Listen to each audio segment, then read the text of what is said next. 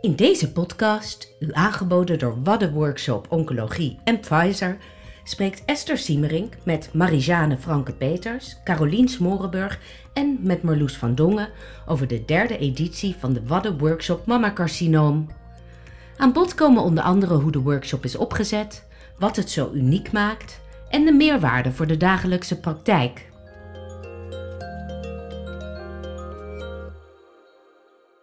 Bij mij aan tafel zit professor Marijan Frank-Peters, chirurg-oncoloog in het Antonie van Leeuwenhoek ziekenhuis. Carolien Smorenburg, ook internist-oncoloog in het Antonie van Leeuwenhoek ziekenhuis. En Marloes van Dongen, internist-oncoloog en klinisch farmacoloog uit het Antonie van Leeuwenhoek ziekenhuis. En dames, dit is de derde Wadden-workshop mammacarcinoom. Marijanne, hoe, uh, hoe zijn we hiertoe gekomen? Ja, wat een leuke eerste vraag, Esther. Um, eerlijk gezegd, de, een van de organisatoren van deze workshop, George Brouwer, die uh, stond naast mij op het hockeyveld. Uh, onze twee dochters zaten op dat moment in hetzelfde team. En toen vroegen we aan elkaar wat we eigenlijk uh, buiten het weekend deden. nou, bleek dat hij deze fantastische workshops aan het organiseren was, op dat moment alleen voor longkanker. Um, en hij hoorde van mij dat ik me met uh, borstkankerbehandeling bezig hield. En toen was 1 en 1 2. Um, en is eigenlijk uh, al heel snel, uh, met name door zijn voortvaardige enthousiasme en wij konden mensen bij elkaar ehm, zetten, hebben, we dit in, in, in, gang kunnen zetten. met natuurlijk al heel snel een hele grote faculty eromheen, maar daar zullen we het denk ik zo direct nog wel even over hebben. Nou ja, de faculty, wellicht Caroline, kan jij de luisteraars daarin meenemen? Want we zitten hier niet alleen maar met internist-oncoloog. We hebben al een chirurg-oncoloog aan tafel, maar waar bestaat de faculty uit? Ja, eigenlijk uit alle disciplines die met um, borstkanker te maken hebben. Dus we hebben radiotherapie, pathologie, uh, plastische chirurgie, um, klinisch genetica en andere disciplines. Ik vergeet er vast nog één.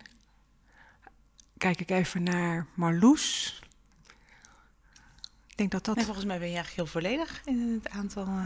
En wat maakt dat, dat voor deze opzet is gekozen? Wat maakt dan die Wadden-workshop zo uniek en vergelijkbaar met de andere nascholingen die we hebben op borstkankergebied? Ja, dat is denk ik het leuke van, van deze workshop. Dat het in tegenstelling tot heel veel andere nascholingen, dat het echt multidisciplinair is. En dat, je daar, dat, dat we hier met andere disciplines dan je eigen discipline zitten. En dat is heel erg goed voor de discussie, omdat we het praten over de diagnostiek en beleid over borstkanker. En dat is bij uitstek heel erg multidisciplinair. En ik ben internist-oncoloog, dus ik ken de nascholingen als internist-oncoloog op ander gebied. En ik vind het hier heel leuk om met de chirurgen, de pathologen en de andere mensen te praten over hoe we de dingen doen. En dat is echt een meerwaarde van deze workshop. En ik denk dat dat ook het succes verklaart, want we zien de deelnemers die nu mee zijn, die zijn een paar jaar geleden ook mee geweest. Maar als we kijken, Marloes, dan naar de deelnemers, hoe is dat een beetje opgebouwd? Met hoeveel mensen uh, zitten we hier nu bij deze derde editie? Nou, met ruim 50 deelnemers. En dan hebben we ook wel een max gesteld aan het aantal deelnemers dat uh, hier aan uh, kan komen. Juist om het ook goed interactief te houden. En in de workshop splitsen we op in, in twee groepen van 25. en dan, ja, dat komt alleen maar de interactie heel goed ten, ten goede. Um, we zagen dat er zelfs ook uit het buitenland uh, nog uh, twee uh, deelnemers zijn. En ja, zo, als je kijkt in Nederland verdeeld over 31 ziekenhuizen. Dus brede spreiding. En is er ook een, een goede vertegenwoordiging dan qua chirurgie, radiotherapie, internisten, oncologen? Of komen er meer van het ene soort tussen aanhalingstekens dan het andere soort? Ja, de hoofdmoot is wel de, de chirurg-oncologen en, en de internist-oncologen. Een enkele radiotherapeut deelt, doet mee, een plastisch chirurg als, als cursist.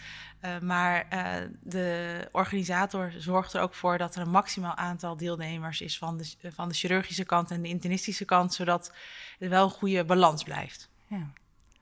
En als je dan kijkt naar die balans, waar zie je dat vooral in Marianne als we dan met elkaar zo'n workshop doornemen? Wat, nou, ik denk dat het, uh, wat Caroline ook al zei, borstkankerbehandeling is multidisciplinair. En uh, nou, voor mezelf sprekend, als chirurg ben ik natuurlijk getraind in het chirurgische deel. Alleen dat kan inmiddels bij borstkankerbehandeling niet zonder echt de kennis uh, en, en, met name ook de nieuwe wetenschappelijke inzichten op de andere vlakken. Ik moet weten hoe die chemotherapie reageert, wanneer ik het in moet zetten, maar ook vervolgens wat de gevolgen van de bestraling zijn. Uh, en dat heb ik in mijn eigen opleiding natuurlijk niet gehad. En, en, daar zijn dit soort workshops waar je gewoon ja, je, je huidige manier van werken, maar ook wat dat doet wel um, heel gemakkelijk en heel laagdrempelig kan delen.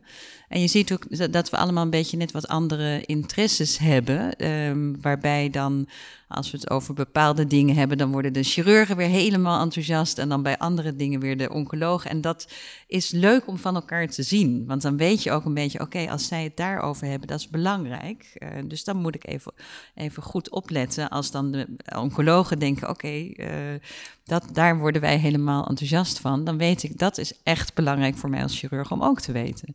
Dus die interactie, omdat je ziet, um, uh, ja, je, je, leert van elkaar waar we mee bezig zijn. Hoe zijn de dagen opgebouwd? Als je, iedereen vertrekt uh, met de boot naar Terschelling. Uh, op zondagmiddag volgens mij. En keert pas dinsdagavond weer terug. Hoe, hoe zitten de dagen in elkaar? Um, we hebben één programma. Uh, ja, uh, we hebben zondagavond ja, ter kennismaking een soort pubquiz. En daarna gaan we met elkaar eten. Dus een beetje nog informeel. En maandag en dinsdag is, uh, wordt er denk ik echt hard gewerkt. We beginnen vroeg om acht, het is kwart over acht.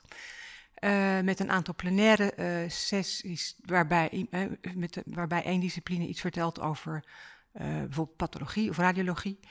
En dan hebben we een aantal workshops waarin uh, dat echt multidisciplinaire aspecten worden uh, besproken. En er zit casuïstiek in verweven. En tot dinsdagmiddag zijn we druk aan het werk. En die casuïstiek, uh, Marloes, hoe, is, hoe komt die naar de faculty toe en de programmacommissie? Ja, zodra de cursisten hebben ingeschreven voor deze workshop, dan krijgen ze ook de opdracht om een casus aan te leveren. En nou ja, die wordt uh, eigenlijk naar ons als programmamakers uh, toegezonden op een gegeven moment uh, door de organisatie. Waar wij dan eigenlijk met elkaar selecteren welke we meer aandacht willen geven in de plenaire sessie. En een aantal casuïstiek wordt opgenomen in de, de bestaande workshops. En degene die dan die workshops verzorgen, krijgen ook te horen dat ze die casus mee moeten nemen. En wat maakte dat je bepaalde casussen voor de plenaire sessies hebt gekozen dit jaar? Waar zit dan de dynamiek of de reuring of juist het de energie, het enthousiasme? Ja, nou voor dit jaar hebben we met name eigenlijk de casuïstiek uitgekozen waar best ook in de landen veel discussie over is, waar eigenlijk gewoon het antwoord niet zwart-wit is. En dat we ook juist daarin de discussie van de zaal heel levendig kunnen houden. En ook wel uh, ja, willen meegeven dat uh, er niet maar één antwoord goed is. Ja, en als ik daarop mag aanvullen, wat er altijd gebeurt is. Um, wat we eigenlijk allemaal doen, ontstaat door uh, de resultaten van wetenschappelijk onderzoek. En als dat helemaal solide is, dan komt het in een richtlijn. Maar tussen de resultaten en de richtlijn zit toch een soort van vacuüm. En ik denk dat we het daar heel veel over hebben in dit soort workshops. Van wat, wat doe je nou? De resultaten zijn er nog niet. Neigen we naar dat? Neigen we naar dat? En dan ja, zie je dat er nog wel wat verschillen in zijn. Wat elkaar wel volgens mij stimuleert om in ieder geval de goede kant op te gaan. Nou, Carolien, jij als voorzitter van de richtlijncommissie, uh, kun je ook zaken vanuit de discussie hier dan gebruiken, ook om te duiden of om te kijken waar gaan we richting aan geven de komende jaren? Wat... Ja, ja die, die, richtlijnen zijn evidence-based, maar je merkt met het opstellen van de richtlijnen dat er voor bepaalde uh, belangrijke zaken ja, geen goede evidence is. En dat je niet veel verder komt dan een soort expert opinion. En dan is het heel aardig om met elkaar hier te bediscussiëren wat dan die expert opinions zijn. En ja, hoe dun de evidence is. En op een gegeven moment moet je ergens een klap op geven en met elkaar afspreken hoe je het wilt gaan doen. En ik vind het heel prettig om hier te horen hoe ja, bepaalde punten waar we gewoon geen consensus over hebben, hoe mensen dat in de praktijk oplossen, zodat je toch zoveel mogelijk met elkaar tot één beleid kan komen. En dat we dat op die manier, denk ik, ook in de richtlijn kunnen gaan verwerken. Vandaag was er uh, een sessie bijvoorbeeld over um, de adjuvantenbehandeling uh, en de neo-adjuvantenbehandeling van het hormoongevoelig mammacarcinoom. En toen kwam ook de discussie over wel of geen antracyclines.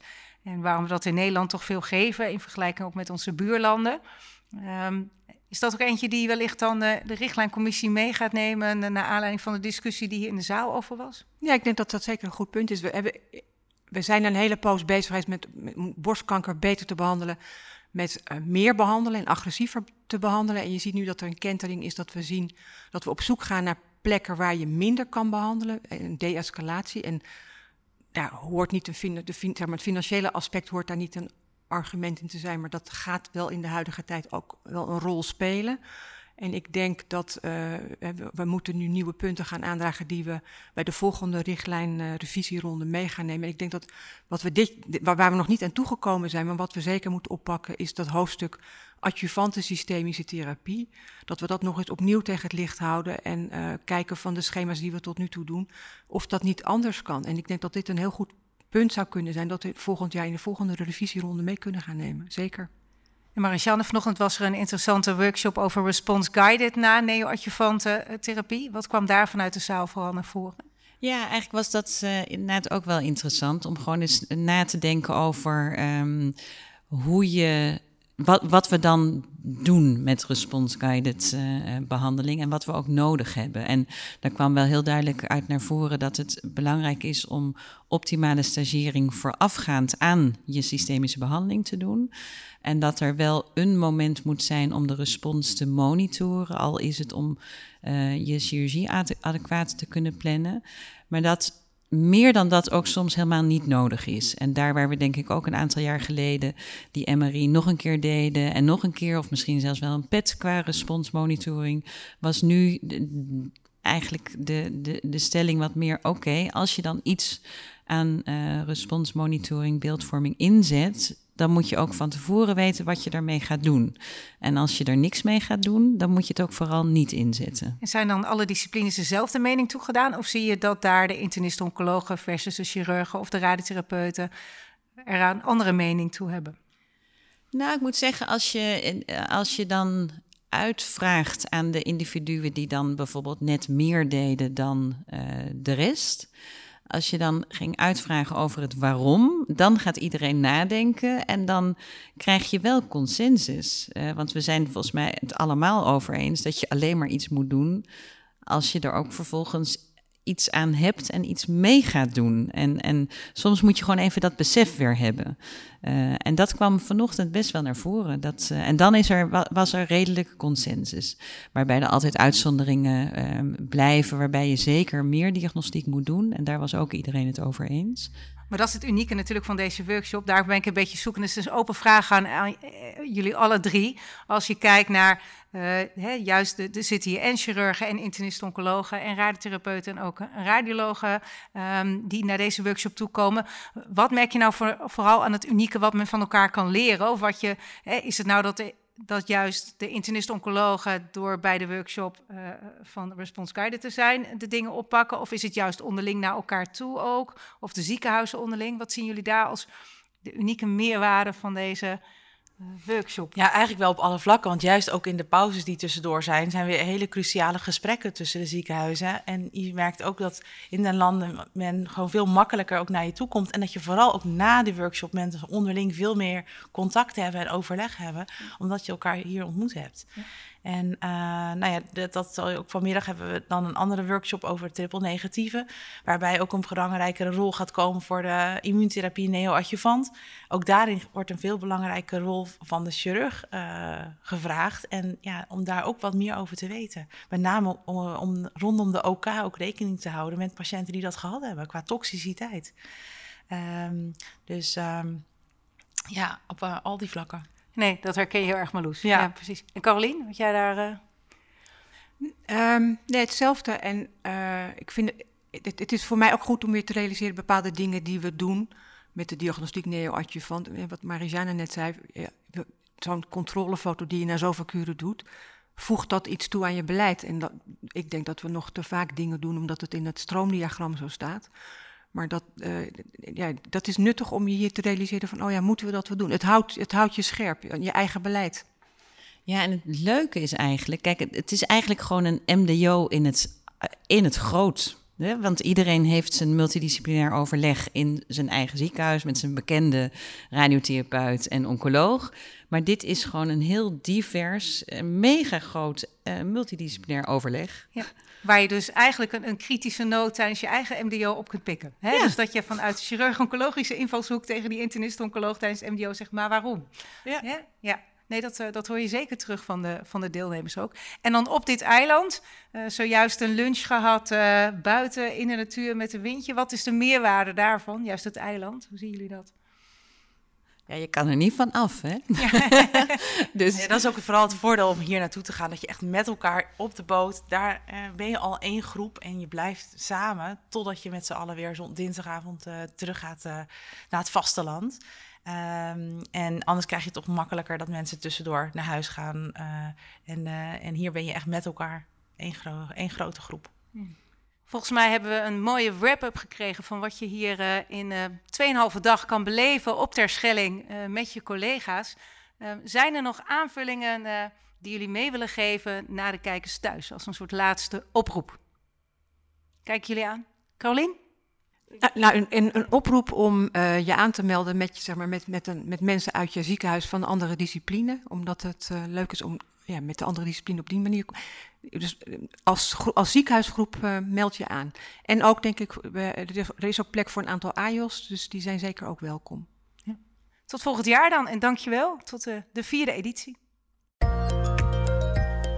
Bent u geïnteresseerd in meer podcasts? Deze zijn te vinden op de website oncologie.nu.